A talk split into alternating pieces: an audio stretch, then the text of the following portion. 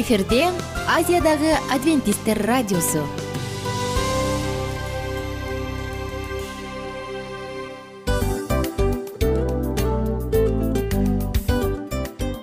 Достор салют. Баардык сүйүктүү угармандарыбызга салам айтабыз. Кутман күнүңүздөр менен. Ден соолук өмүрдүн булагы демекчи саламат саамы программасында баарыңыздарды көргөнүбүзгө абдан кубанычтабыз. Анда алгач амандашып өтөлү арбаңыздар деп. Ден соолугуңуздар кандай элибизде көбүнчө ден соолук кандай дегенде эле жакшы деп жооп беребиз э? ооруп турсак дагы жакшы дейбиз. Анан мен муну айтып ойлойт элем бул абдан сонун сөз депчи анткени бул жакшы деген үмүт да э ооба баары жакшы болот баары сонун. Деп үмүттөнүп атып эле өзүбүздү өзүбүз дарылап коебуз. Анысы кандай сиздин дагы ден соолугуңуз жакшы беш деген үмүттөбүз чындыгында ден соолук бул өмүрдүн булагы деп бекеринен айтылган эмес деп ойлойм. Кыргыз элинде анткени эгерде ден соолук жок болсо анда адамдын жашоосунда калган баардык керектүү маңыздуу нерселер өзүнүн баалуулугун жоготуп коет. Ошондуктан ден соолук бул эң керектүү нерсе. Ооба туура айтасың кесиптешим. Чынында ден соолугуң жок бир эки үч күн ооруп калсаң эле э кандай болуп калат? Жашоодо көз каранды болуп каласың көп нерсеге жетишпей каласың көп нерсени кыла албай каласың жада калса эшикке дүкөнгө да чыга албай каласың. Туптуура анан ден соолук болсо демек биз биздин бактыбыз тоодой деп койсок болот. Анда достор саламат саамы рубрикабызды баштайлы. Алдыда өзүңүзгө керектүү болгон сонун кеңештерди уга аласыздар. Мына ошондуктан биз менен бирге болуңуздар. Ал эми биз болсо милан жана айнура. Кеттик алга. Алга саламат саама ден соолуктун жарчысы. Саламат саама ден соолуктун ачкычы. Күн сайын сиз үчүн мыкты кеңештер сонун жаңылыктар кызыктуу фактылар биздин рубрикада.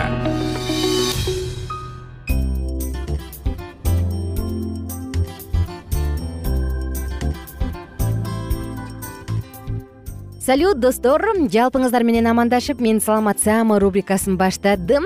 Саламат дегенде эле албетте ар бир угарманыбыздын ден соолугуна кам көргөн сонун саатыбыз. Бүгүнкү тема жакшы жана жаман холестерин ооба таң калып атасызбы жакшы жана жаман дегенди угуп анткени холестерин бул ооба бул жаман деген нерсе оюбузда калып калган э? Бирок чын эле ушундайбы? Чын эле холестерин бул жаманбы? Кайсы учурда ал пайдалуу кайсы учурда пайдасыз? Келиңиздер бүгүн холестерин менен кененирээк таанышалы. Чындыгында холестерин көп болгондо олуттуу ооруларга алып келет э? Бул атеросклероз э, инфаркт миокард кан мээдеги кан айлануунун жоктугу же болбосо бузулушу мына ушундай коркунучтуу ооруларга алып келет. Бирок эгерде холестерин дагы аз болуп же жетишпей кала турган болсо анда канда антиоксиданттардын жетишсиздиги сыяктуу эле коркунучтуу дейт. Элестетиңиз бул маалымат сизге бир аз таң калыштуу болушу мүмкүн бирок ошентсе дагы ден соолугуңуздун камын көрсөңүз саламаттыгыңызды сактай турган болсоңуз анда бул бүгүнкү программабызды калтырбай угуңуз. Көп убакка чейин доктурлар атеросклерозду мындай деп кабыл алышкан да бул артериялардын стенкаларында холестериндин чогулушу деп айтышкан. Мына ошондуктан мындай жыйынтыкка келишчү. Холестерин көп болсо демек кан тамырлардын капталында абдан көп катмарлар же болбосо булганычтар бар. Холестерин аз болсо демек ал жакта дагы кан тамырлардын аз бузулушу азыраак болот жана азыраак стенканы каптап калган дешкен. Мына ошондуктан улам алар холестерин демек кан тамырлардын булганышы кан тамырлардын капталынын карттанышы деп эсептешкен бирок достор жакынкы эле аралыктарда холестериналык теорияга каршы бир башка теория ойлонуп чыкты же болбосо башка далилдер чыкты. Анткени алар мындай дешкен. Атеросклероздун бляшкалары менен кадимки эле холестериндин эч кандай байланышы жок деп чыгышкан элестетиңиз мына ошондуктан эмне себептен келиңиздер бирге сөз кылалы? Негизи адамдын организминде холестериндердин өлчөмү бул жүз кырк грамм бул холестерин албетте сырттан келет тамак аш менен келет. Көбүнчө бул малдын майынан келет э? Анан калган учурлары болсо булардын баардыгы тең биздин керектүү өлчөмүбүздүн баардыгына тең сарпталат короктолот. Канча холестерин келсе ошонун баардыгы организмге кетет. Ал эми калгандарынын баардыгы тең боорго кетет экен. Анан боорду май басып же болбосо жировой гепатоз деген сыяктуу оорулар бар эмеспи? Анткени холестерин ашык боло турган болсо алардын баардыгы боорго чогулат холестерин сууда эрибейт ошондуктан аны кан клеткаларга чейин жеткире албайт. Холестерин болсо өзүнүн максатына туура жетиш үчүн ал башка атайы башка комплекстер менен форматташылышы керек. Бул кандай? Холестерин кошу белок ташуучу. Холестерин белокко кошулганда гана ал башка нерселерге кетет. Бул комплекс липопротеин деп аталат. Липопротеинди уксаңыз керек э? Бул демек холестерин плюс белок барабар липопротеин. Липопротеиндер дагы жогорку жана төмөнкү нерседе болот. Булардын баардыгы тең жакшы жана жаман холестерин деп аталат. Мына достор ушундай. Холестерин өзүнөн өзү эле негизи атеросклерозду чакырбайт. Атеросклероз дал ушул липопротеиндер өтө жогору болуп кеткенде анда адамдын канында көйгөйлөр пайда боло баштаганда гана болот. А болбосо анын жөн гана бляшкалары же болбосо жөн гана майда бүртүкчөлөрү эч кандай атеросклерозду пайда кылбайт. Жалпысынан холестерин негизи өзү жаман деле эмес анчалык жаман эмес дейинчи. Эгер э, улуттуураак айта турган болсок анткени холестерин бул тескерисинче кандагы керектүү элемент. Ал биздин жашообузда чоң маанилүү роль ойнойт. Анткени холестерин бизге клеткалык мембрандардын форматташышына керек же болбосо клеткалардын сырткы катмарынын пайда болушуна керектүү нерсе элемент. Ошондуктан ал бизге керек. Ошондой эле достор жыныстык органдарда жумурткаларда жана башка учурларда дагы бул холестерин абдан керектүү болуп саналат. Эгерде адамдын организминде холестерин жетишпесе анда ал адамда депрессия абалы көбүрөөк болот. Жана анын кабагы бүркөө жашоого нааразы болгон учурун көбүрөөк кездешесиң.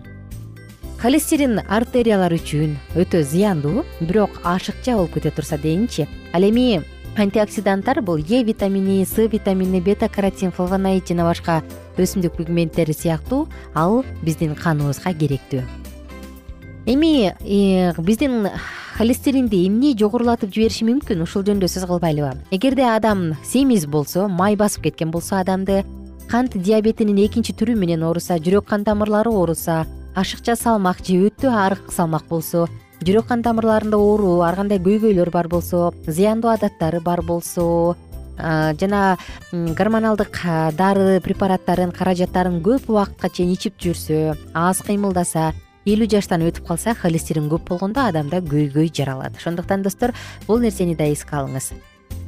Кайсы бир азык түлүктөр жана биодобавкалар организмде холестериндин деңгээлин туура нукка салганга жардам берет же болбосо көзөмөлдөгөнгө жардам берет э? Муну айта келе турган болсок кызыл жана кара кара бул жүзүм биздин холестеринди жөнгө салат. Аны болгондо дагы кабыгы менен кошо жеш керек сыртын кээ бир балдар жүзүмдүн ичке жука челин сыйрып туруп калтырып коюшат эмеспи андай жарабайт. Грек жаңгагы анда антиоксиданттар көп ошондуктан ал холестериндин деңгээлин түшүрөт жана артерияларды коргойт. Леон дейбиз э же болбосо зыгыр зыгырдын уругу бул дагы абдан жакшы. Кунжуттун уругу жакшы. Подорожник же болбосо подорожник деп коет эмеспи кадимки эле? Гүлдөрдү бака жалбырак деп. Ошонун дагы уругу абдан жакшы.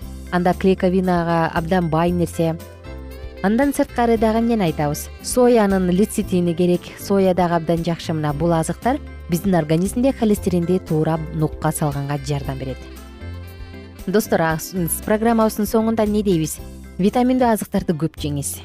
Өзүңүздүн жүз кырк граммдан ашпай тургандай кылып күнүмдүк холестериндин курамын тамак аштан алыңыз. Бирок ал ашып кетпесин. Ал сиздин ден соолугуңузга чоң зыян келтирбесин негизи эле адам отуз жаштан ары карай өткөндөн кийин анын организминде холестерин өзү эле жогорулай баштайт. Ошондуктан эмне тамак жеп жатабыз кандай жеп жатабыз ага көңүл буралы. Мен болсо сиздер менен коштошом кайрадан амандашканча сак саламатта туруңуздар бар болуңуздар. Саламат саама ден соолуктун жарчысы. Саламат саама ден соолуктун ачкычы. Күн сайын сиз үчүн мыкты кеңештер сонун жаңылыктар кызыктуу фактылар. Биздин рубрикада салют замандаштар баарыңыздарга ысык салам. Дил маек программабызга кош келиңиздер. Дил маек рубрикасы дегенде эле бул эмне болгон дил маек ким менен маектешебиз деп сурайт болуш керек угармандарыбыз. Бул рубриканы кыскача тааныштыра кете турган болсок ар тарап кесип ээлеринен болгон сонун интервью кеңештер бар ооба жылдыздар менен болгон маек бар аталарыбыздын агаларыбыздын чоң аталарыбыздан сонун кеңештер бар ошондой эле эже сиңдилердин кеңештери бар. Айтор баардык кызыктардын баары алдыда негизи эле адам баласы бир кимдир бирөөнө ишенип сырын ачкысы келет эмеспи э мындай баарлашууга жакын келебиз го. Албетте. Негизи бир жерге отуруп алып кенен шашпай баягы жүрөктөн жүрөккө ачып сырларыбызды ар кандай көйгөйлөрүбүз менен бөлүшүп баягы чын жүрөктөн маек курганды кимибиз сүйбөйбүз э? Ооба десең ал нерсеге суусап да келебиз да? Ооба кээ бирде адамга чындыгында баягы э, ысык маек баягы жылуу маек жетишпейт да. Ошондуктан биз ушул рубриканы ойлоп тапканыбызда эң биринчи эле достор сиздер менен чын жүрөктөн бир маңыздуу темаларды козгоп кеткени э, кааладык. Ошондуктан ушундай сонун бир рубриканы тартуулап жатабыз. Анын үстүнө радио дагы сонун дос да анткени э, мындай учурда досуңа айтсаң досуң досуна айтат досу досуна айтат да анан бүт өлкө билип калышы мүмкүн го. А радио болсо сени сатпаган сенин айыбыңды ачпаган. Сенин сырыңды эч кимге айтпаган сонун дос мына ошондуктан биздин алдыдагы айта турган кеңештерибизди биздин досторубуздун кеңештерин угуп анан ал жака пикириңизди дагы калтырып кайрадан биз менен байланышсаңыздар болот. Деги эле жашооңузга эгерде кичине болсо дагы өзгөрүү алып моралдык жактан нравовалык жактан сонун бир кеңештерди алсаңыз демек биз максатыбызга жеттик. Ооба. Чыңгыз атабыз улуу жазуучу э, чыңгыз айтматов айткандай адам болуу бул күнүмдүк процесс экен. Күн сайын адам бойдон калуу бул адамзатка эң эле кыйын дейт э? э эң кыйын дейт. Чындыгында бунун негизинде адамдын эң баягы сапаттуулугу адамдын э, адамгерчилиги жана көптөгөн керектүү нерселер. Мына ошол темалар дагы бизде э, ушул дил маекте биз аларды да козгойбуз. Ден соолук жөнүндө да сүйлөшөбүз. Сөзсүз түрдө. Анан милан мырза негизи айтып коюшат го биз көбүнчө эмнени ойлонсок ошол нерсеге карата иш кылабыз го. Ооба анан анысы кандай? Балким бул радио баракчада кимдир бирөөнүн оюн текшергенге жардам берет кимдир бирөөнүн жүрөгүн текшергенге жардам берет. Балким кимдир бирөөгө жашоонун маңызын тапканга жардам берер. Айтор кызыктын баары алдыда бул жөн гана кыскача жарнама анда угармандарыбыздын баардыгын кийинки рубрикабызга чакырабыз. Ал эми кызматта маңдайымда отурган кесиптешим милан жана мен айнура. Анда эмесе биз даярдаган терең терең ойлор менен таанышууга кеттик. Алыс алыс баралык анда эмесе достор биз менен бирге болуңуздар. Алдыда эң кызыктуу маалыматтардын баардыгы бир нече мүнөттөр бою жалгыз гана сизге арналат мына ошондуктан жакшы маанай менен угууну каалайбыз. Үн алышканча. Жөнөдүк. Ар түрдүү ардактуу кесип ээлеринен алтын сөздөр жүрөк ачышкан сыр чачышкан сонун маек дил маек рубрикасында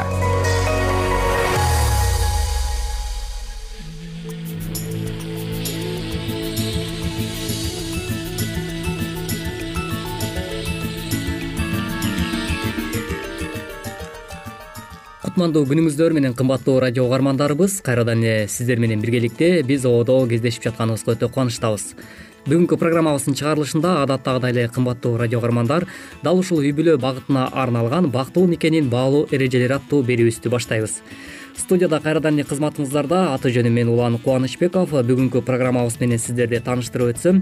Деги эле үй бүлөдө ушул атанын ролу кандай болуш керек? Башкача айтканда канткенде э, эркек адам сабырдуулукка үйрөнө алат жана сабырдуу адам боло алам.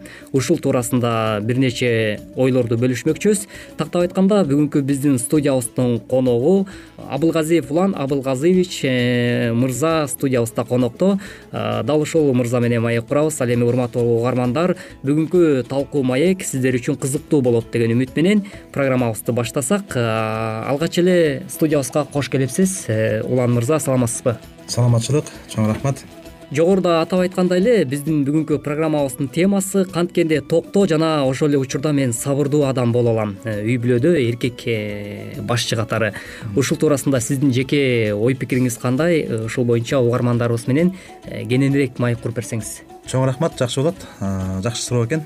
Негизи эле эми азыр мен үйдөгү ушул канткенде токтоо анан сабырдуу адам боло алам деген аябай жакшы тема негизи эле. Бул боюнча эми токтоо адам деген бул өтө бизде мындай айтат мурун жаш кезде айтчубуз.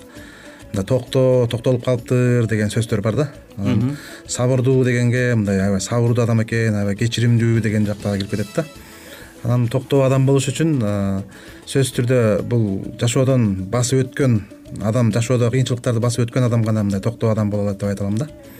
Анткени качан сен жашоодо жашоону жашап мындай жашап көрүп практика жүзүндө анан ошентип анан ошол токтоолукка анан сабырдуулукка келесиң да. Анан токтоо жөнүндө болсо ошо. Эми токтоого кандай эме көрсөтсөк болот?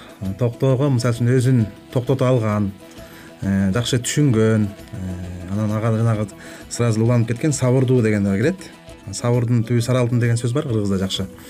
Бул дагы ошо токтоолукка сабырдуулукка чыдамдуулукка алып келет да ушунун баарычы. Анан бул негизи эле жашоодон басып өтүш керек муну негизичи. Кыйынчылыктарды сыноолорду басып өткөндөн улам келип анан ушул адамга ушу токтоолук анан сабырдуулук келип мындай пайда болот да адамдачы өзүндө жашоодон негизи эле басып өткөндөн кийин анан ушул сабырдуулуктун кандай экенин токтоолуктун кандай экенин түшүнө баштайт да адамдар. Анан негизи эле бизде жашообузда көп эле болду менин башыман көп эле өттү. Досторум болобу балдарым болобу ар кандай эмеге иш чарага байланыштуу. Сен айтып кеткендей эле жанагындай көңүл калтырып же алдап же бир кандайдыр бир туура эмес иштерди кылганда ачууланып кетебиз. Биз чынында эле сабырдуу боло албай кетебиз. Анткени биздин өзүбүздүн негизги натуралдуу өзүбүздүн негизги мындай характерибизде ушундай баягы ушундай эме бар да. Мындай ачуу ачуулуу болобуз чем сабырдуулукка караганда бизди ачуулук жеңип кетет да. Демек бул жерден биз билсек болот экен ар бир эле адамдын табиятынан ушу ачуулук сезим бар деп түшүнсөк болот да. Ооба ар бир адамда ачуулуу сезим болот. Ошон үчүн ачууң келип аткан учурда ай сабырдуураак бол деп бирибизди бирибиз сабырдуулукка чакырып анткени ачууланган адам бул мас адамдан да жаман да. Ачуусу келип аткан адам бул мас адамдан да жаман. Анткени бул мас ачуусу келгенде ал адам өзүнүн эмне кылып атканын контролдобой бир жаман сөздөрдү оозунан агытып э, жаман сөздөр менен адамдарды тилдеп анан жүрөктө эмнет болсо баягы оозунан ошол сөз чыгат деген да бар. Бул жүрөккө эмнет болсо ошо ачууң келгенде аябай мындай бир ачуулуу жаман сөздөр менен адамдарды сөгүп же болбосо көңүлүн калтырып же өлтүрүп сөздөр менен ушундай бир жаман нерселерди айтышыбыз мүмкүн да. Ошон үчүн бул сабырдуулукка чакырып туруу деген ушул качан сен басып өткөндөн кийин деп айтып айтып кетпедимби жогоруда. Өзүң жашооңон басып өткөндөн кийин анан өзүңдү өзүң мындай ооздуктап кой мындай туура эмес анткени бул ачуулуу адам бул мас адамдан да жаман экен деп өзүңдү өзүң кармай билип каласың да чындап эле ушул ар бир инсан бул жашоодо ошол сабырдуу болуш үчүн деги эле токтоо болуш үчүн албетте ушул ачуусун басканга аракет кылыш керек деген бир ойду айтып өттүңүз окшойт да. Демек э, ушундай инсандар мисалы коомчулукта кандайдыр бир мен ачуулана берем деген айрым бир инсандарга күбө болуп калабыз да анткени мен мындай каарым кайнап турат ачуу боло берем эмнегедир өзүмдү өзүм токтотоюн десем деле бирок токтоно албайм деген дагы бир э, айрым адамдарга кезигебиз. Ошондой э, абалда жүргөн э, адамдарга сиз кандай кеңеш бере алат едиңиз жакшы болот. Мен болсо мындай негизи эле ар бир адам өзүнө баа берет да. Мен мындай ачуулуу адаммын же болбосо ачуулуу адам эмесмин жакшы адаммын деген сыяктуучу сабырдуумун деген сыяктуу ар бир адамда ар кандай өзгөчөлүктөр болуш керек. Бирок жанагындай ачуусун тыя албай э, жанагындай сабырдуулукту э, ачуусу сабырдуулук менен ачууну жеңе албаган адамдар үчүн мындай совет берет элем бул негизи эле баягы өзүңдүн э, жашооңдо өзүңдү баягы баа берип аткан учурда мен ачуулуу адаммын мен ушундаймын деген нерселер менен өзүңдү коштобошуң керек да.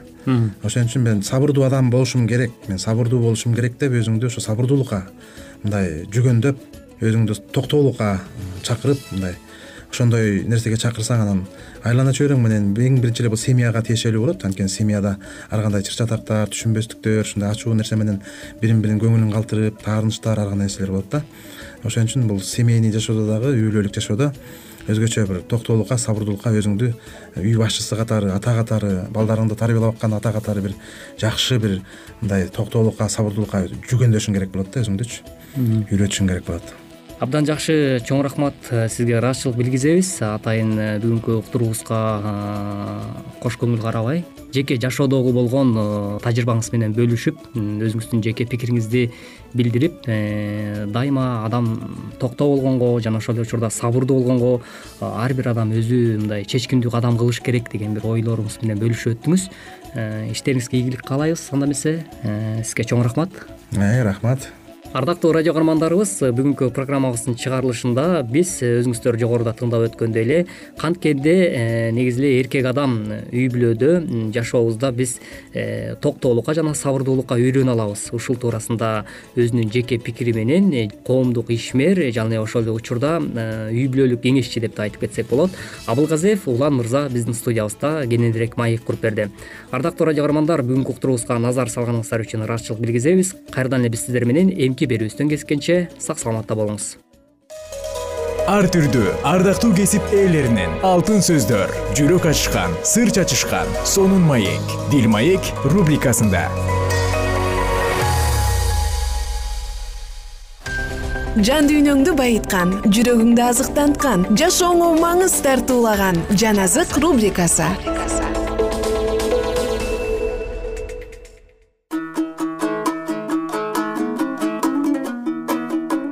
Саламатсыздарбы достор? Жалпыңыздар менен биз жан азык рубрикасын баштадык. Жана бүгүн дагы забур китебин андан ары окутуп улантып окууга даярбыз. Биз менен бирге болуңуздар. Жүз кырк алтынчы забур. Теңирди мактагыла анткени кудайыбызды даңктап ырдаган жакшы. Анткени бул жагымдуу ал даңкка татыктуу теңир иерусалимди кайра курат ысрайылдын куугунтукталып жүргөн элин жыйнайт. Ал жүрөгү жаралангандарды айыктырат. Аларды кайгысынан арылтат. Жылдыздардын санын эсептейт. Алардын ар бирин атынан атайт. Теңирибиз улуу анын күчү зор акылы чексиз. Момундарды теңир жогору көтөрөт ал эми кудайсыздарды жерге кулатат теңирди кезектешип мактап ырдагыла кудайга гусли чертип ырдагыла. Ал асманды булут менен жабат. Жерге жамгыр жаадырат тоолорго чөп өстүрөт. Малга өзүн чакырган карганын балапандарына тамак берет. Ал аттын күчүнө карабайт. Адамдын күлүгүнө ыраазы болбойт. Теңир өзүнөн корккондорго өзүнүн ырайымына үмүттөнгөндөргө ыраазы болот. жүз кырк жетинчи забур. Теңирди макта иерусалим кудайыңды макта сион. Анткени ал сенин дарбазаларыңдын бекиткичтерин бекемдейт. Сенин ичиңдеги уулдарыңа батасын берет. Сенин жериңе тынчтык орнотот. Сени дандуу буудайга тойгузат өз сөзүн жерге жөнөтөт. Анын сөзү тез тарайт. Жүнгө окшогон кар жаадырат. Гүлгө окшогон бубак себет өз мөндүрүн бүртүк бүртүк кылып жаадырат.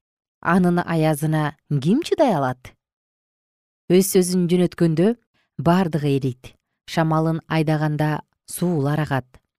Ал өз сөзүн жакыпка өз көрсөтмөлөрү менен мыйзамдарын ысрайылга жарыя кылды. Ал башка эч бир элге мындай кылган жок. Алар анын мыйзамдарын билишпейт. Теңирди даңктагыла. Жүз кырк сегизинчи забур. Теңирди даңктагыла. Теңирди асманда мактагыла. Аны бийикте мактагыла анын бардык периштелери аны мактагыла. Анын бардык кошуундары аны мактагыла. Күн менен ай аны мактагыла. Жаркыраган бардык жылдыздар аны мактагыла. Асмандын асманы асмандан жогору турган суулар аны мактагыла теңирди бардыгы теңирдин ысымын макташсын анткени бул буйруганда бардыгы жаралган аларды түбөлүккө койгон эч качан бузулбай турган мыйзам берген. Жердегилер зор балыктар бардык туңгуюктар теңирди мактагыла. От жана мөндүр кар жана туман анын сөзүн аткарган бороон тоолор жана бардык адырлар мөмөлүү дарактар жана бардык кедрлер жырткычтар жана ар кандай мал сойлоочулар жана канаттуу куштар жер үстүндөгү падышалар жана бардык элдер төрөлөр жана жер жүзүндөгү бардык башкаруучулар жигиттер жана кыздар карылар жана жаштар теңирдин ысымын мактарсын анткени жалгыз анын ысымы жогору. Анын даңкы асман менен жерден жогору. Ал өз элинин мүйүзүн жогору көтөрдү. Бардык ыйыктарынын ысрайыл уулдарынын өзүнө жакын турган элинин даңкын чыгарды. Теңирди даңктагыла жүз кырк тогузунчу забур. Теңирди даңктагыла теңирге жаңы ыр ырдагыла ал ыйыктардын жыйынында макталсын. Ысрайыл өз жаратуучусуна шаттансын сион уулдары өз падышасына кубансын. Анын ысымын бий бийлеп даңкташсын ага дап кагып гусли чертип ырдашсын. Анткени теңир өз элине ыраазы. Момундарды куткарып даңкка бөлөйт ыйыктар даңкталып кубанышсын өздөрүнүн төшөгүндө да ырдашсын кудайга арналган даңктуу сөздөр алардын оозунда болсун эки мүздүү кылыч колдорунда болсун. Элдерден өч алышсын урууларды жазалашсын алардын падышаларын туткундашсын төрөлөрүн кишендесин аларга жазылган өкүмдү жүзөгө ашырышсын. Бул анын бардык ыйыктары үчүн урмат. Теңирди даңктагыла жүз элүүнчү забур теңирди даңктагыла кудайды өзүнүн ыйык жайында мактагыла аны өзүнүн кудуреттүү асманында мактагыла аны керемет иштери үчүн мактагыла аны чексиз улуулугу үчүн мактагыла аны сурнай тартып мактагыла аны арфа жана гусли чертип мактагыла аны дап кагып бий бийлеп мактагыла. Аны кыл аспап жана сыбызгы ойноп мактагыла. Аны мукам үндүү жез табак кагып мактагыла. Аны катуу үндүү жез табак кагып мактагыла. Теңирди бардык тирүү жандар макташсын.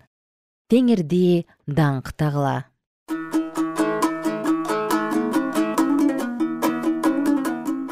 кымбаттуу досум мынакей сиздер менен бүгүнкү уктурууда забур китебин аяктадык. Забур китебин баштан аягына чейин окуп чыктык. Ал эми сиз болсо биз менен бирге биздин жыштыкта баштан аягына чейин тыңдап чыктыңыз. Ар бир ушул жердеги сөздөр сиздин жашооңузда сөзсүз таасирин тийгизген сизге жардам берген жөлөк болуп берген сонун сөздөрдөн. Мына ошондуктан жашооңузда дагы ушундай күчкө ээ болсо экен деген тилегибиз бар саатыбыздын соңунда эмне демекчибиз? Жараткандын ырайымы дайыма сиздерди колдосун. Бар болуңуздар бай болуңуздар. Кийинки уктурууларда дагы сонун жаңы китептерди бирге окуйбуз ага чейин сак саламатта туруңуздар